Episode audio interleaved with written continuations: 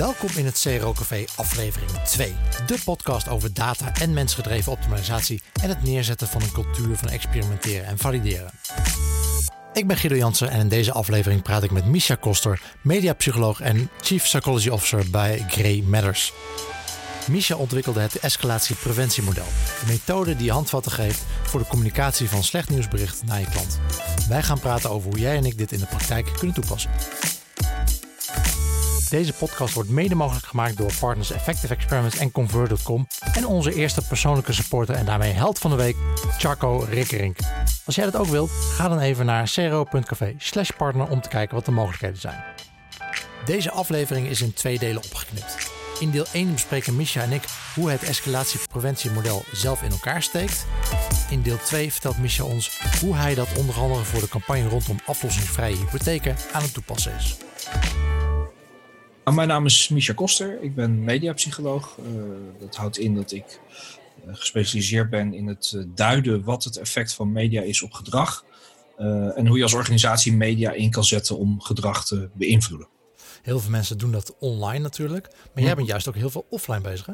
Ja, het is eigenlijk een beetje een mix. Ik zeg altijd, ik kan mijn kennis nuttig inzetten op het moment dat er een gedragsdoelstelling van toepassing is. En dat kan zijn uh, dat uh, een luchthaven wil dat mensen sneller door de security funnel heen lopen. Dat kan zijn dat een, een website wil dat de conversie omhoog gaat. Maar dat kan ook zijn dat de gemeente wil dat, dat de burgers beter hun afval gaan scheiden. Die luchthaven, hoe heb je dat aangepakt? Hoe zag dat project eruit? Dat is een heel leuk project. Uh, ik heb daar samen met iemand anders die uh, gespecialiseerd is op het gebied van hospitality. Uh, heb ik daar twee dagen lang eigenlijk incognito rondgelopen om een, ja. uh, om een meting te doen. Om te bepalen waar verbeteringen uh, ja, zouden kunnen zijn.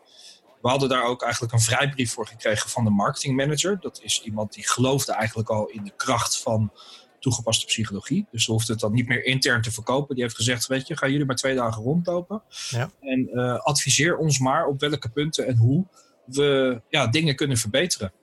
En uh, ze had wel een aantal thema's die belangrijk waren. Uh, eentje was bijvoorbeeld de brand experience. Hoe kunnen we ervoor zorgen dat deze luchthaven als een vijf sterren luchthaven ervaren wordt? Ja. Een ander thema was, uh, het tweede thema was de crowd control. Dus dan heb je het echt over check-in balies, queuing, wachttijdverzachters, dat soort zaken. En uh, de derde was meer uh, salesgericht. Dat ging eigenlijk over de, de, het verhogen van het aantal consumpties dat mensen na de security uh, checkpoint zeg maar, gingen kopen. Oké, okay, en die twee dagen was dat een soort expert review of hebben jullie gewoon mensen geïnterviewd? Ook, we hebben eigenlijk de eerste okay. dag hebben we daar gewoon rondgelopen. We hadden ook pasjes gekregen op een gegeven moment dat we, en, een, en een boarding pass ook, dat we zeg maar de hele funnel zelf konden doorlopen van aankomst in de rij staan, security tot en met het vliegtuig. Ja. Waar we dan zeg maar vlak voor het vliegtuig weer het deurtje uitgingen. En de tweede dag hebben we eigenlijk uh, meer rondgekeken en af en toe passagiers geïnterviewd, maar ook medewerkers geïnterviewd. Waarom ze bepaalde dingen doen, waarom ze het niet anders doen. Uh, nou ja, en, ook over zeg maar, hoe bepaalde dingen op reizigers overkwamen. En waarom ze ja. bepaalde beslissingen namen om in de linkerrij te gaan staan, niet in de rechterrij te zetten. Ja, precies. Ja, ik vind het altijd wel fascinerend. Ik heb uh, tijdens mijn studie uh, ook veel uh, nou, luchthavens waren een, een, voorbeeld dat, dat veelvuldig voorbij kwam. Ook met de wayfinding op luchthavens. Schiphol ja. is natuurlijk een internationaal bekend voorbeeld. Ja. Maar ook gewoon het design van heel veel luchthavens, hoe de plafonds uh, gedesigned zijn, zodat jij in de juiste flow uh, terechtkomt. Zeg maar. dat, dat, daar is zo diep over nagedacht. En hoe, ja. dat allemaal, hoe het allemaal werkt, ik vond het altijd fascinerend. Nou, in dit geval was daar dus nog niet echt diep over nagedacht. maar het waren een aantal dingen die ons in ons document uiteindelijk met 137 aanbevelingen zaten. Oké, okay, ja. ja. En dat ging dus ook over wayfinding en, en uh, routing en okay. analoge markeringen, nudging, allemaal van dat soort dingen.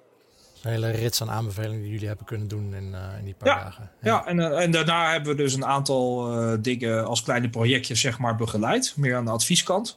Ja. een aantal dingen die zijn meer overgedragen naar het team wat intern met marketing bezig was. Een aantal dingen zijn door overgedragen aan het team wat intern met hospitality bezig was. En ja, zo, ik krijg af en toe nog wel eens een, een mailtje van haar. van, hey Misha, we hebben weer wat gedaan hoor. we hebben naar je geluisterd. En kijk, dit is het resultaat. Nou ja, dan zie je dus dat ze bijvoorbeeld uh, een andere uh, andere manier van rijden hebben geïntroduceerd. Oké, ja. Dus waar het voorheen zeg maar, allemaal parallele queues waren, hebben ze nu een soort combinatie gemaakt. Bij sommige supermarkten hebben ze dat inmiddels ook doorgevoerd. Super fijn. Ja, ja, maar goed, het vereist dus wel dat er dan weer iemand uh, bij staat. Dus er, er, moet wel, zeg maar, het kost een FTE. Uh, want er moet iemand dus zijn die op één punt, zeg maar, mensen gaat wijzen van u kan naar Bali 5, u kan naar Bali 3. En, en op die manier, zeg maar, de, de, de crowd een beetje, de crowdflow manage. Oh, maar dat kun je wel automatiseren, toch? Ik bedoel, bij de, bij de Mediamarkt doen ze nu ook, dat hebben ze gewoon zo'n gewoon nummer. Ga, naar, ga naar Bali zo. Ja, kan zeker. Nou, we hebben ook gedacht over uh, of het niet mogelijk was om iedereen in één lange rij te gaan laten staan. Zoals bij ja? de echte. Ja. Uh, onderzoek wijst uit dat dat een, een, eerlijker gevoel geeft. Ja. In, parallele rijen zijn mensen vaak geïrriteerd, omdat mensen dan gaan, noemen ze gewoon jockeyen. Dus dan gaan ze van rij switchen als ze denken dat een andere rij sneller gaat. Dat wekt irritatie op. het probleem bij luchtaanvallen is dat je natuurlijk, je hebt ook last minute mensen die aankomen, die ook moeten inchecken nog. En je hebt mensen die uh, in dezelfde rij dan zouden moeten staan, die misschien alleen maar cabin luggage hebben en niet uh, ruim, ruim bagage. Ja, die moet je wel mogelijkheid bieden om dus uh, een soort van fastlane te hebben. Ja. Dus ja, goed, dat zijn allemaal dingen. Dan ga je met zo'n klant praten. Dan blijkt dus dat er allemaal vereisten zijn. En hoe die business in elkaar zit. Dan ga je binnen die randvoorwaarden ga je kijken. Oké, okay, wat weten we dan verder over rijvorming? En hoe kunnen we dit dan meest, uh, meest effectief uh, oplossen? Ja, wel gaaf dan, dan te horen dat ze na al die tijd nog steeds jullie lijstje als een soort checklist aan de muur hebben hangen. Ja. en je op de hoogte gehouden wordt van, hé, hey, we hebben weer wat uh, afgevinkt. Ja, absoluut. Hey, ik hoorde ook dat jij met een boek bezig bent. Uh, ja, nou, ik heb één boekje geschreven. Uh, dat ging over emoji. Ja. Uh, dat vond ik leuk omdat het een onderwerp is wat ik in de praktijk vaak tegenkwam en als mediapsycholoog gewoon interessant vind. Eigenlijk was dat een beetje een vingeroefening voor ja, hoe, hoe ben ik als schrijver. Um, en inmiddels uh, ben ik in de, ja, nog eigenlijk een beetje in de conceptfase met een, uh, met een volgend boek bezig. dat wordt dan wel iets zwaarder psychologisch werk. Het zal wat meer gaan over, over besluitvormingsprocessen bij mensen. En hoe Ja. die beïnvloed worden van buiten, hoe die beïnvloed worden voor jezelf. Wat je er ook aan kan doen om eh, betere beslissingen te nemen. Oké. Is er al een deadline voor of eh, is dat... eh, Nee, nee, nee. Ik, heb nog een, ik, ik ben het nu aan het opzetten. En ik heb het nog ineens met de uitgever erover gehad dat ik hiermee bezig ben. Dus ik, ik wil eventjes in alle rust zeg maar, mijn gedachten vormen. En dan vervolgens daarmee, als ik het zeg maar, voor 30% klaar heb ongeveer. Dan ga ik weer naar de uitgever en dan ga ik zeggen van oké, hier gaan we mee aan de slag. Oké, en als we het toch over zwaardere psychologie hebben. Je bent bezig met het NIP. Ja, ja eh, Voor de mensen die het niet kennen. het Nederlands Instituut voor Psychologen. Ja. Ehm, dat is een eh, beroepsorganisatie die eigenlijk voornamelijk bekend is van, eh, van de klinici, de, de klinische collega's, de klinisch psychologen, psychotherapeuten. Als jij afgestudeerd bent en je wil als een psychotherapeut aan het, werk, aan het werk, dan moet je een NIP-registratie hebben. Houdt in dat je ook eh, permanente educatie moet doen, dat je in een register wordt opgenomen, et cetera. En eh, anders word je gewoon ook niet vergoed door verzekeraars. Dat, die associatie heeft het. Dus als je ergens staat, iemand ziet met psycholoog NIP achter zijn naam, dan vooralsnog is het meestal zo dat dat een therapeut is, een klinicus. Ja. Uh, nou, het NIP zelf die, die wil dat wat breder trekken. Die wil voor meer soorten psychologen er zijn. En ik zelf uh, ben daar ook al een tijdje mee bezig. Ik heb daar een idee over gevormd. Dat heb ik de, de titel gegeven, de Chief Psychology Officer. Ik vind dat elk bedrijf die moet een, een, een chief psychology officer hebben, omdat psychologie gewoon heel veel waarde kan bieden op eigenlijk alle aspecten van een bedrijfsvoering. Of je het nou hebt over marketing, of je het nou hebt over groepsdynamica, over recruitment, over finance zelfs, over uh, human capital development, over mediation.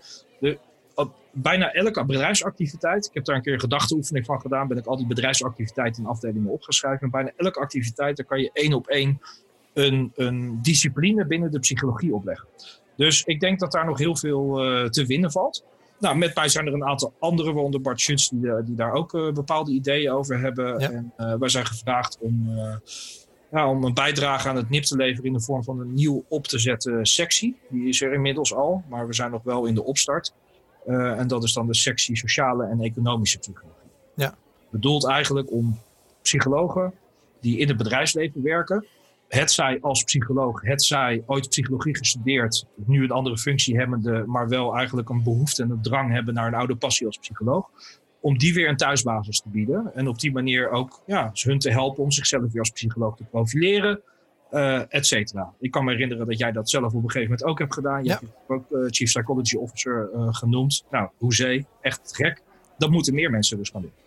Ja, precies. Die link met het bedrijfsleven moet natuurlijk weer uh, een stuk sterker. Niet alleen maar voor de klinisch psychologen, maar dat, dat het uh, NIP daar ook uh, dingen mee doet. We hebben bijvoorbeeld inderdaad met, met Bart ook een keer over gehad. ook qua ethiek, zeg maar, wat we, wat we online allemaal aan het doen zijn. En we hebben zoveel data, we kunnen zoveel dingen beïnvloeden. Ja. daar zouden wel eens wat regeltjes opgesteld voor mogen worden. Ja, nou zeker in de, aan de online kant zit dat heel sterk. Ja. En, ja de, een van de speerpunten van de sectie is ook om een, uh, om een beroepscode op te zetten. Er is al een beroepscode van het NIP. Maar wat je ziet is dat die heel erg nogmaals op de, op de gezondheidspsychologie gericht is. Ja. Ja. Uh, er zijn al wat gesprekken geweest om te kijken of een aparte beroepscode voor zeg maar, de meer sociaal en economische psychologen moet opzetten. Volgens mij is de status nu dat we wel uitgaan van die beroepscode die er al is. Want er staan veel goede dingen in. Maar dat we daar een addendum op geven met allemaal specificaties die echt gericht zijn op psychologie in het bedrijfsleven. Ja. Daarnaast is ook een van de dingen waar we mee uh, aan de slag zijn, dus om te kijken of we een, uh, een accreditatie kunnen, uh, kunnen opstellen. Dus eigenlijk dat er net zoals onze klinische collega's gewoon echt een programma komt waarbij je jaarlijks punten moet halen, et cetera. Om ook gewoon, ja, om het even heel onderbiedig te zeggen, het kat van het koren te scheiden. Om ja. gewoon te weten dat als jij als organisatie iemand wil hebben die wat weet over uh, groepsdynamica of over beïnvloedingstechnieken, dat dat iemand is die academisch geschoold is en die daar permanente educatie over heeft en daar een bepaald keurmerk uh, mee heeft verdiend. Ja, precies, want psychologie is natuurlijk geen uh, beschermd beroep of zo. Iedereen mag zich psycholoog noemen, dus dat is wel precies. fijn als, je, als er een manier is om dat, dat te kunnen checken. Exact. Convert is het bedrijf achter Convert Experiments, de knippervrije AB-testing tool met enterprise level security die standaard volledig voldoet aan de GDPR-wetgeving. Daarnaast is Convert een goed voorbeeld van maatschappelijk verantwoord ondernemen. De organisatie is maar liefst 100 keer CO2-positief en Convert doneert elk jaar 10.000 dollar aan goede doelen. Om te zien hoe Convert ook voor jou het verschil kan maken, ga je naar convert.com/features. Hey, maar uh, allemaal super interessante ontwikkelingen. Maar daar gingen we het eigenlijk niet over hebben. Uh, we gingen het namelijk hebben over het escalatiepreventiemodel. Vertel. In mijn werk heb ik al uh, een aantal keer meegemaakt dat ik word, werd gevraagd om berichten te herformuleren. En dat kunnen ja. e-mails zijn of brieven, die eigenlijk gaan over um, ja, wat we dan even zullen noemen bad messaging of bad flow. Dus met andere woorden, berichten die niet zo leuk zijn voor klanten dat heb ik, heb ik een aantal projecten bij gedaan, onder andere grote, bij grote telecom uh, operator. En tegelijkertijd werk ik vaak uh, samen met een uh, bedrijf uit Amsterdam, Minds, met Joris Groen, de mede-eigenaar daarvan. En die had eigenlijk in zijn projecten kwam die hetzelfde tegen. Ze hebben ook projecten gedaan voor nou ja, grote bedrijven, financials, maar ook webshops. Uh, waarbij dus ook de bad flow af en toe aangepakt moest worden. En, en dan moeten we denken aan, uh, hey, uh, je creditcard wordt afgesloten of je telefoon. ja, precies. heb je niet betaald. Eigenlijk of, kan je in elke sector kan je wel van dit soort berichten bedenken. Ja. dus Joris heeft bijvoorbeeld veel ervaring in de reisindustrie. Ja. KLM, je vlucht is vertraagd, je vlucht is Ja. geannuleerd.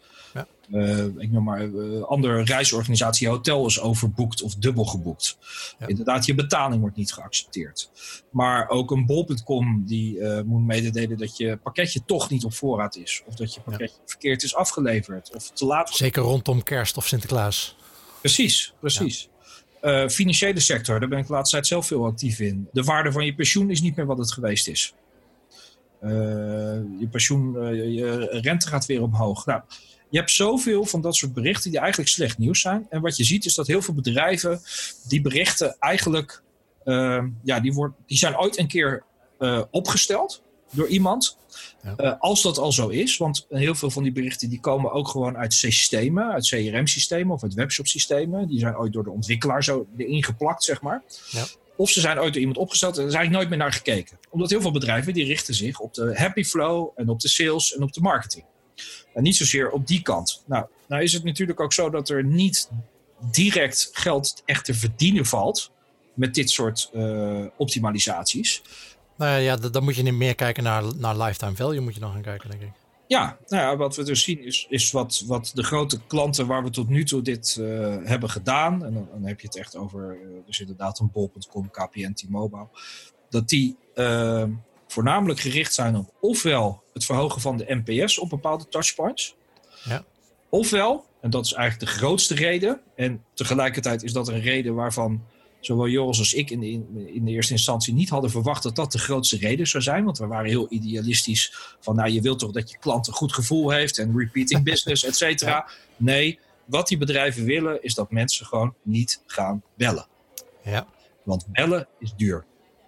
Dus zij willen gewoon voorkomen dat als iemand zo'n rotbericht krijgt, dat ze in de telefoon gaan hangen. Ja. Dus nou ja, uh, je gedragstoestelling in dit geval is dus een bepaald gedrag eigenlijk ontmoedigen. En dan niet op een manier die heel, uh, ja, een beetje dark is, zeg maar. Want dat kan natuurlijk ook. Hè. Je kan dingen heel moeilijk maken of heel irritant maken. Uh, maar op een manier dat klanten zich wel ook gewaardeerd voelen. Ja. Nou, die ervaring hadden we allebei. En we zijn dus eens, uh, uh, met onze koppen bij elkaar gaan zitten. En we hebben gezegd, oké, laten we nu eens wat onderzoek doen. dit is een periode van maanden geweest. Uh, naar wat er bekend is over dit soort negatieve berichtgevingen vanuit aanverwante vakgebieden. Dus we hebben naar de medische wetenschap gekeken, naar niet alleen naar de wetenschap, maar de opleidingen van slecht nieuwsgesprekken. We hebben naar theorieën over geweldloze communicatie gekeken. Ehm, nou, natuurlijk eigenlijk alle, allemaal persuasion technieken die ook over negatief gaan, over verwachtingsmanagement. Dus we hebben allemaal dingen bij elkaar ge geraapt, die naast elkaar gezet aangevuld met onze eigen ervaring. En daar hebben we eigenlijk een nieuw model voor ontwikkeld. En dat heet dus het escalatiepreventiemodel. Het doel van dat model is om ervoor te zorgen dat als jij een, uh, een negatief bericht naar je klanten moet sturen, dat de emotie die gepaard gaat met dat bericht er wel mag zijn en ook erkend wordt. Uh, maar dat die niet gaat resulteren in het uh, negatieve gedrag wat er bij die emotie hoort. En wat je ziet dus, dat, dat uh, tegenwoordig ietsje minder, maar zeg maar eh, twee jaar geleden, dat veel bedrijven die proberen altijd voor te zorgen dat die emotie überhaupt niet tot stand komt. Hè, dus even als, als fictief voorbeeld, een, een bol.com, die, geeft, die stuurt jou een mailtje dat jouw pakketje vandaag niet, toch niet geleverd wordt. En uh, die hebben daar wel eens een keer, volgens mij, een, een tekstje bij gezet van... Nou, uh, Misha, onze bezorger die heeft gisteren een laat avondje gehad. En ja, waarschijnlijk heeft hij zich verslapen. maar ja, helaas kan hij van jou, jouw pakketje vandaag niet...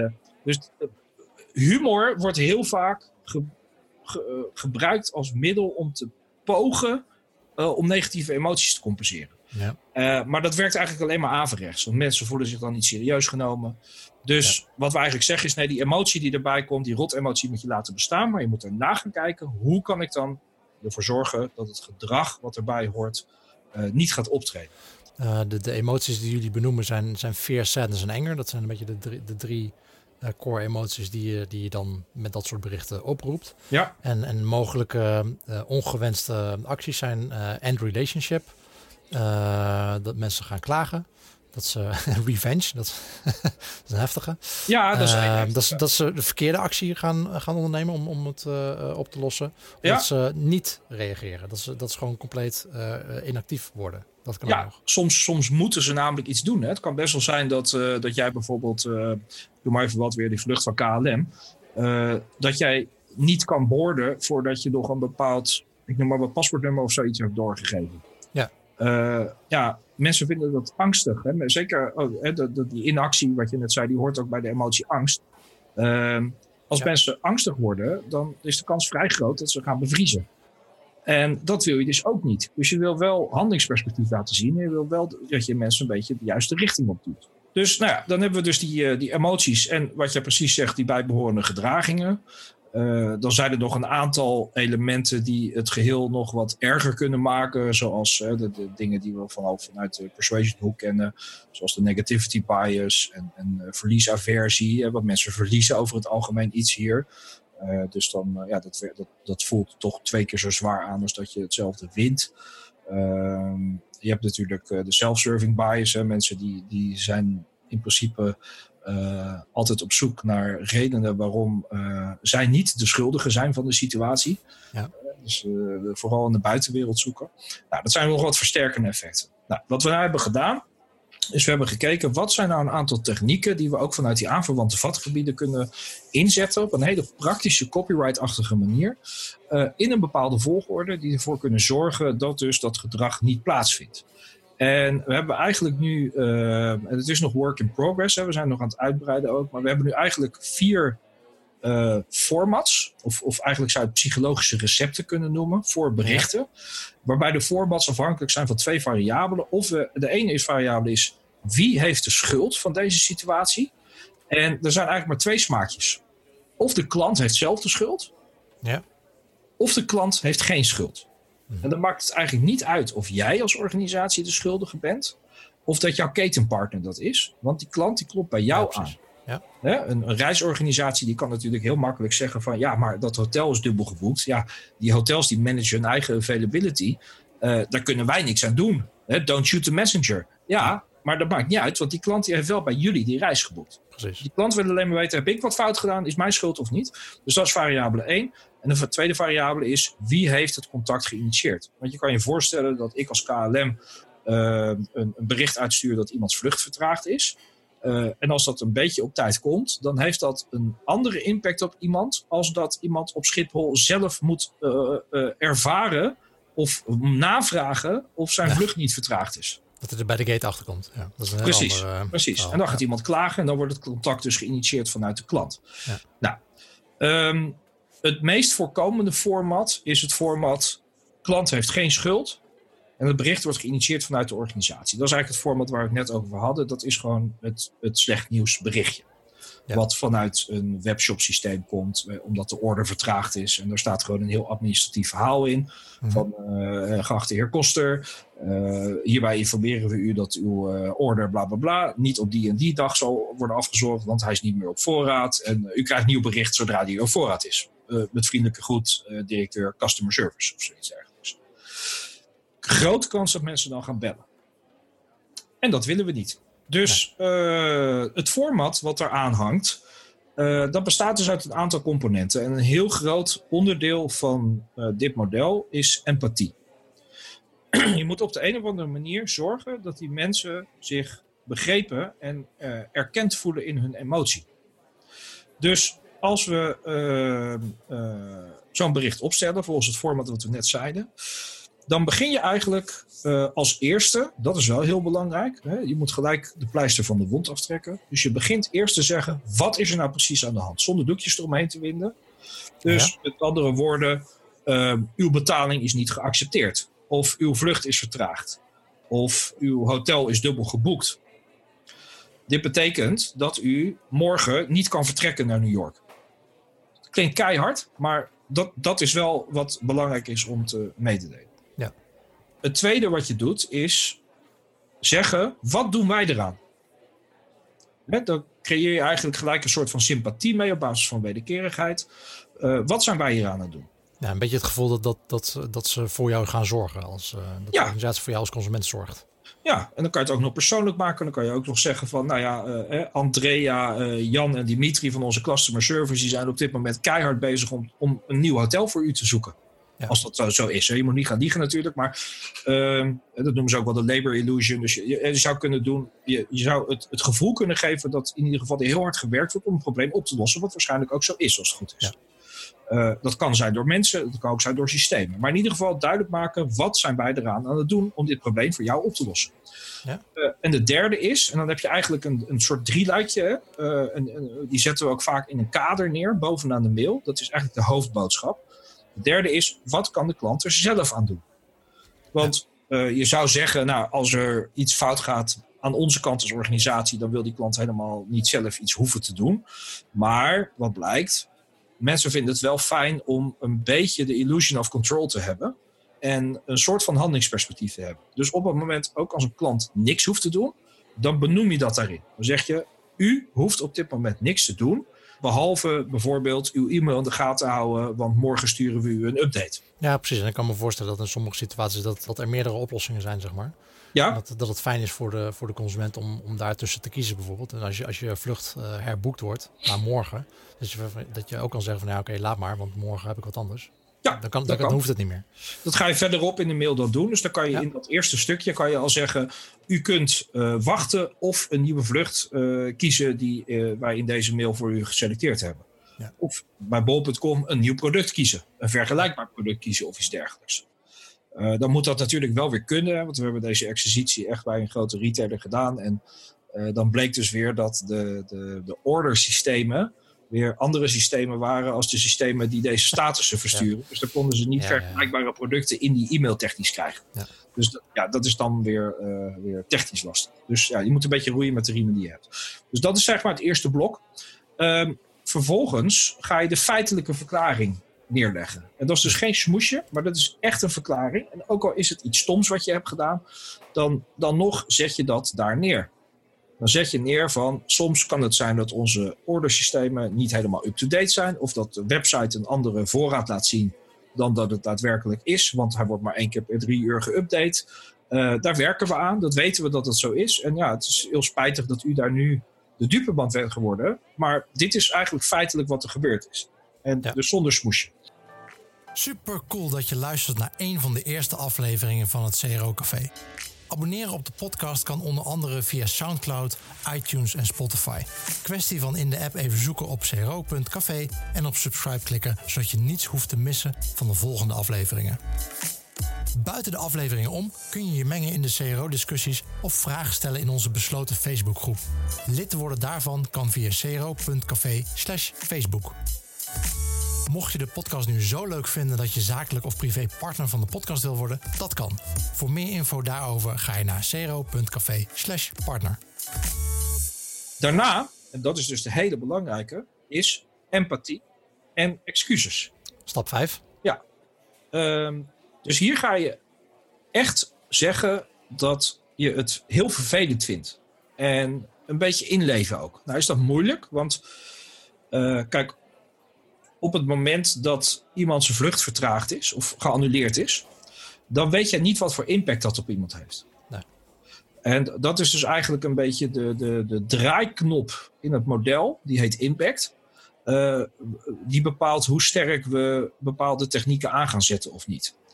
Uh, kijk, als iemand zegt van nou ja, ik ga op maandag naar New York omdat ik uh, een paar dagen wil rondkijken en ik heb op vrijdag daar een belangrijke vergadering en hij kan niet maandag, maar dinsdag vliegen. Dan zal het wellicht minder impact hebben dan als jij met je vrouw en drie kinderen op Schiphol staat om op vakantie naar New York te gaan. Ja. Of misschien dat je als zakenman juist het heel tight hebt gescheduled. En uh, zeg maar twee uur nadat je daar aankomt al gelijk die meeting hebt en weer terug moet vliegen. Dus ja, dat weet je niet. En dan moet je dus heel erg uitkijken op het moment als je, als je empathie gaat tonen. Dat je niet gaat uh, bagatelliseren. Want als je gaat zeggen van... Uh, nou, we kunnen, we kunnen ons voorstellen dat dit voor u een beetje lastig is. Ja. ja, als het voor iemand een, eh, echt een, een heel groot probleem wordt, ja, dan, dan sla je dus de plank mis. Dus ofwel je moet weten wat de impact is voor iemand. Dus dan moet je eigenlijk uh, wat, meer, wat meer klantenprofielen hebben. Uh, dan moet je intenties, reisintenties weten. Ja, ik kan het zeggen. Dat lijkt me lastig voor organisaties om dat, om dat in te vullen inderdaad. Want dat is voor iedereen anders. Zelfs op dezelfde vlucht heb je, heb je een hele brede range aan, aan mensen en verwachtingen. En, uh... Ja, om nog maar niet over de, over de retail te praten. Uh, een bol.com die weet natuurlijk niet met welke intentie mensen hun pakketje. Maar je zou wel kunnen zeggen, als bol.com zijn, om even dat voorbeeld aan te houden ik weet dat bepaalde productcategorieën, dat het bijvoorbeeld utilitaire producten zijn, uh, dingen die we gewoon dagelijks nodig hebben, dat daar waarschijnlijk meer haast bij zit dan zeg maar een pleasure good of zoiets dergelijks. Tenzij het rondom de feestdagen is? Ja, absoluut. Absoluut. Maar je zou daar dus eventueel, om, zeg maar, om het grofweg te scheiden, een aantal business rules voor kunnen maken. ja. Uh, en daar tags aan kunnen hangen. Dus dat zou, dat zou je wel kunnen doen.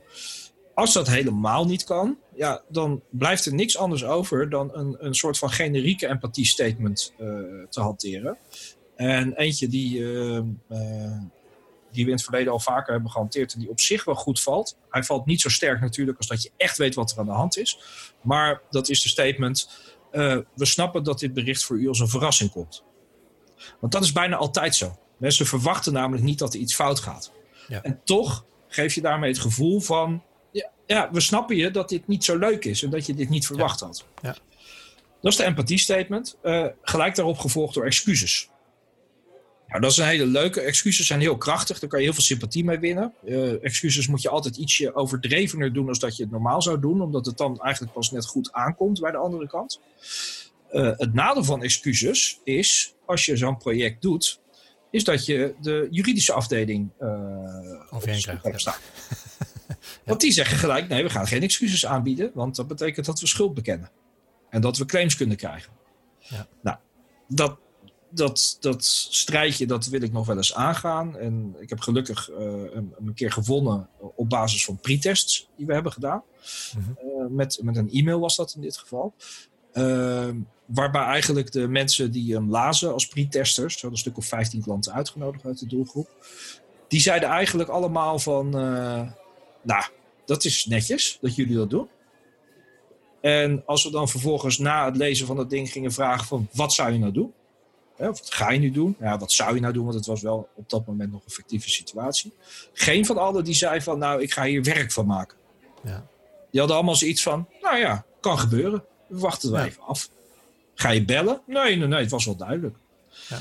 En nou, die duidelijkheid die zit dan eigenlijk in, in uh, het laatste stuk. Maar eerst nog even, uh, na empathie en excuses krijg je dus...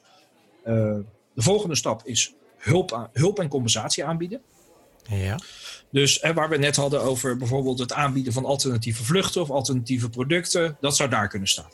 Okay. Snappen dat dit voor u vervelend is, uh, om u toch op weg te helpen. We snappen ook dat het niet het product is wat u had willen hebben, of de reis die u had willen boeken. Uh, maar hier hebben we toch nog even drie opties op een rijtje gezet. Die, nou, en en die opties, daar kan je natuurlijk als psycholoog weer losgaan met, met persuasion technieken. En dan kan je anchoring in toepassen. Je kan social proof erin zetten, wat de meest gebruikte of de meest gekozen optie, et cetera, et cetera. Dus dan kan je een beetje keuzearchitectuur op loslaten. Maar tegelijkertijd is het belangrijk dat je, dat je doel is om mensen te helpen uh, in deze situatie. Um, dus dat is hulp aanbieden en compensatie. Com compensatie is ook wel een goede, maar daar moet je wel rekening mee houden dat dat wel in, in relatie moet zijn tot het ongemak. Dus op het moment als ik daar met mijn uh, uh, gezin sta op Schiphol met jankele kinderen. Uh, en er wordt gezegd van nou, hier heeft u een voucher voor een cappuccino. ja. Dan kan je misschien beter hem helemaal weglaten en gewoon nog eens een keer oprecht je excuses aanbieden. Ja. Ja, dat, dat, ik denk dat dat meer goed doet dan die compensatie. Dus die compensatie die moet wel echt, echt in relatie staan tot. Ja, zelfs die empathie uh, geldt hetzelfde voor de compensatie. Die moet wel in relatie staan tot de impact. Tot wat er gebeurt. Ja, ja precies. En dan als laatste, en dat, dan hebben we, dan, dat is dan dit recept, zeg maar. Ja. Is, en dat is een hele belangrijke, uh, het beantwoorden van mogelijke vragen. Een soort FAQ? Ja, ja dat is wel goed dat je dat zegt. Dat is niet een FAQ. Okay. Want wat wij ook hebben gemerkt, ook in onze testjes die we hebben gedraaid hierbij, is dat uh, het, het, het, eigenlijk is het wel een soort FAQ, maar dan een hele uh, op maat gemaakte FAQ. Mm-hmm. Kijk, veel gestelde vragen. Mensen die in zo'n situatie zitten, die, die weten dat die situatie een uitzondering op de regel is over het algemeen. Ja. Veel gestelde vragen geldt voor de massa. En als ik hieronder veelgestelde vragen zet, dan is de kans heel groot dat mensen het gevoel hebben van ja, maar dat slaat niet op mij. Ja. Dus wij framen hem altijd als vragen die u misschien nog heeft. En dan pakken we dus ook een aantal echt hele specifieke, niet van waar kan ik meer informatie krijgen, ga naar de website of zo, maar echt, ja, gewoon vragen die mensen echt kunnen hebben. En nogmaals, bij het project met die telecom-aanbieder. het project ging erover, ik mag de naam niet noemen, maar het project ging erover dat mensen met oude abonnementen, uh, zeg maar, gemigreerd werden, geforceerd gemigreerd werden naar nieuwe abonnementen. Mm -hmm. En dat was helemaal doorberekend. En dat zou in batches gebeuren over een aantal jaar heen. Dan had je het echt over 150.000 klanten. Um, en ze hadden eigenlijk wel verwacht dat daar een aantal rechtszaken uit zouden komen. Omdat mensen, ja, die denken gewoon dat dat niet mag. Juridisch gezien mocht het ook wel. Ze mochten dat doen. Uh, mits goede redenen daarvoor, et cetera. Maar goed, toen uh, ging ik met ze praten. En toen hadden we eigenlijk het idee van... ja, het zou eigenlijk veel mooier zijn... als we die mensen in plaats van een aankondiging te doen... dat ze 10 november omgezet worden... Hè, en op 10 november ze omzetten en dan maar afwachten wat er gebeurt... als we ze van tevoren uit eigen beweging de mogelijkheid geven... om alvast te switchen naar het nieuwe abonnement. Transparant, dus wel zeggen... u wordt op dat moment omgezet... Maar, en dat was eigenlijk de rationale van deze campagne, u wordt omgezet, maar hoe en wanneer, is uw eigen keuze. Dus hè, dan geef je mensen ook weer keuzevrijheid. Dat weten we ook vanuit de psychologie dat dat goed werkt. Dus dat, dat, is, een, uh, dat is een hele belangrijke. Een van de vragen die wij al hadden bedacht en die ook goed bleken te zijn, was de vraag: kan ik mijn abonnement opzeggen? Ja.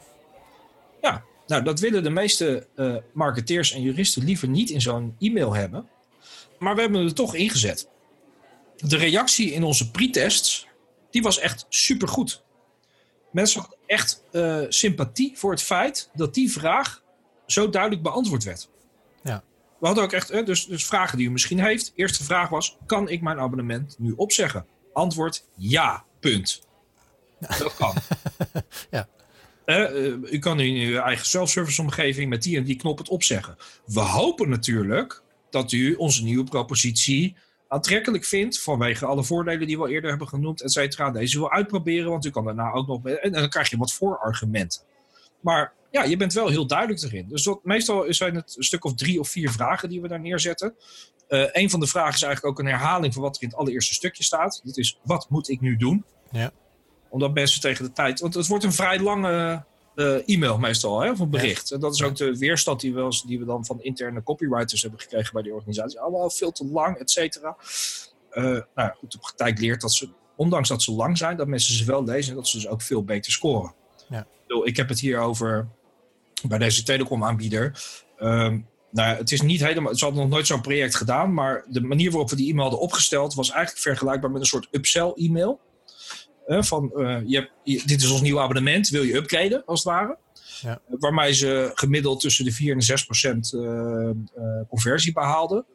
De e-mail die wij vervolgens hebben gemaakt, en let wel, hè, daar hebben we vier maanden over gedaan om één e-mail op te stellen. Ja, ja. Die had in de eerste ehm, testruns onder, onder 5000 klanten een conversie van 24 procent.